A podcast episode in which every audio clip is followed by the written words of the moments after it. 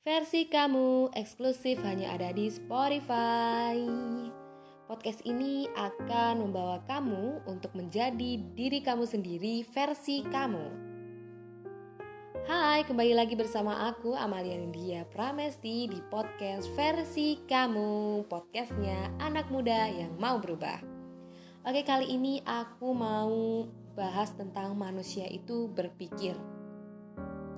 Sebelumnya ada kata-kata nih dari anonim yang berbunyi akal lebih diutamakan daripada hawa nafsu karena akal menjadikanmu sebagai pemilik zaman sedangkan hawa nafsu memperbudakmu untuk zaman. Nah, dalam perubahan itu butuh modal. Modal itu bernama kesadaran. Perubahan juga butuh awal. Nah, awal itu juga bernama kesadaran. Penting banget buat kita semua untuk sadar jika Tuhan menciptakan manusia dengan berbagai anugerah. Anugerah inilah yang akan menjadi bekal seorang manusia dalam menjalani kehidupan. Salah satu anugerah yang datang darinya, dari Tuhan, dan tak ternilai harganya itu apa sih? Jawabannya adalah akal. Nikmat akal itu spesial banget teman-teman. Itu karenanya Sayyidina Ali bin Abi Thalib radhiyallahu anhu pernah bicara. Kekayaan yang paling besar adalah akal. Jadi, tolak ukur kekayaan manusia itu bukan diukur dari nominal harta atau tingginya kedudukan yang dimilikinya saja, melainkan jika si manusia sudah mampu maksimalkan kemampuan akalnya. Kalau kalian search arti akal di Kamus Besar Bahasa Indonesia, kalian bakal temuin empat arti. Yang pertama daya pikir, pikiran, dan ingatan. Lalu yang kedua jalan atau cara melakukan sesuatu, daya upaya, ikhtiar. Ketiga, tipu daya muslihat, kecerdikan, dan kelicikan.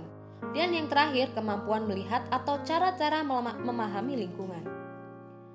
Kalau menurut Imam Al-Ghazali, akal adalah pengetahuan yang diperoleh seseorang berdasarkan pengalaman yang dilaluinya, hingga akhirnya membuat dirinya dapat memperbaiki sikap.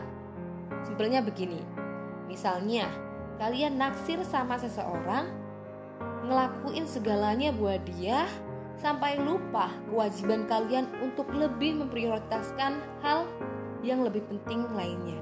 Istilahnya bucin alias budak cinta sama orang yang kalian taksir.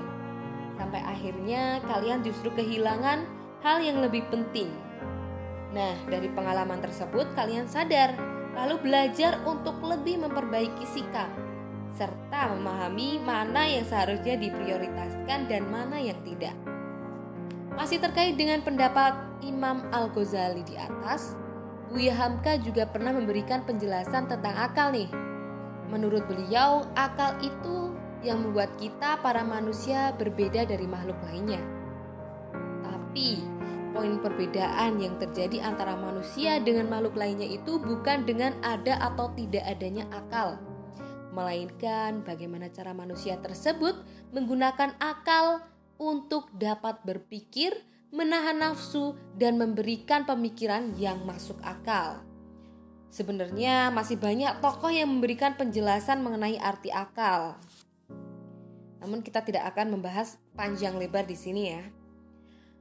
Uh, definisi ini uh, aku hadirkan semata-mata untuk memberi kesadaran bahwa kita memiliki sebuah anugerah yang luar biasa. Anugerah yang tidak boleh disia-siakan. Sebuah pemberian Tuhan yang membedakan manusia dengan makhluk lainnya. Dengan akal, manusia sanggup berpikir untuk tahu mana yang benar dan mana yang salah, serta mana yang baik dan mana yang buruk.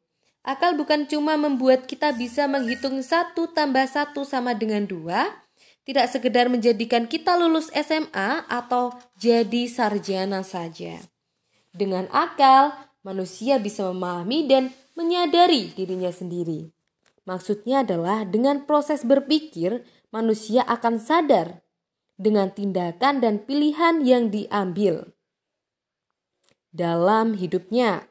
Sadar bahwa itu tindakan benar atau salah, tindakan baik atau buruk. Nah, kalau kita tanya nih sama si akal, cuy, Tuhan tugas lo itu sebenarnya apa sih? Si akal bakal jawab nih. Tugas gue tuh ya membuat manusia mengetahui mana yang benar dan mana yang salah. Plus bisa membedakan mana yang baik dan mana yang buruk. Sesimpel itu tapi dalam. Begitu kerja akal. Begitulah yang terjadi jika kita menggunakan akal, jika kita menggunakan akal untuk berpikir. Kita akan bertemu dengan sesuatu yang lebih baik, dekat dengan sesuatu yang lebih benar. Akal membuat kita dapat berpikir, lalu dengan berpikir akan membuat kita dapat berubah. Nah, kalau kita merasa sulit berubah, coba deh lihat seberapa sering kita meluangkan waktu untuk berpikir dan melihat diri kita saat ini. Berpikir dan bertanya, buat apa? Buat apa ya gue hidup? Apa yang udah dan bakal gue lakuin untuk jadi lebih baik? Di sinilah kita sering kali lupa untuk memikirkan sikap kita sendiri. Lalu membiarkan hidup ini mengalir begitu saja. Alhasil kita jadi hidup dalam ketidaksadaran. Kita tidak sadar sudah lima jam kita rebahan bersama dengan video YouTube favorit atau drama Korea yang sedih bikin kita nangis atau bahkan gibah dengan teman-teman kita. Kita tidak sadar uh, sementara yang lain sedang serius mengejar tujuan, kita malah asik bermalas-malasan. Jujur buat saya pribadi, anggapan kalau hidup harus mengalir seperti air atau istilah kerennya let it flow, let it flow. Itu sih bukan hal yang tepat karena hmm, coba kalian bayangin, kalian dalam posisi lapar dan tidak ada uang. Ditambah lagi kalian pakai prinsip ah ya udah let it flow aja hmm memangnya makanan akan tiba-tiba jatuh dari langit tanpa usaha ya Santuilah sesuai tempatnya teman. Kalau lagi kelaparan, tidak punya uang dan tetap berusaha santuy, sih kayaknya tidak tepat banget deh. Sebagai makhluk hidup, untuk mendapatkan apa yang kita inginkan, kita harus tetap berusaha yang diiringi dengan doa agar semua yang kita harapkan bisa tercapai. Oke teman-teman, jadi uh, podcast kali ini cukup sampai segitu aja ya. Kita terusin di episode selanjutnya. Jangan lupa share podcast ini ke teman-teman kalian ya. Share juga di media sosial kalian. Jangan lupa beli beri juga rating 5, bintang 5 untuk podcast kali ini karena itu juga termasuk nge-support saya untuk lebih semangat lagi membuat podcast-podcast yang bermanfaat untuk kita semua. Karena sebenarnya ketika kita bermanfaat kepada orang lain, kita juga sedang bermanfaat untuk diri kita sendiri. Oke, terima kasih. Salam sejahtera bagi kita semua.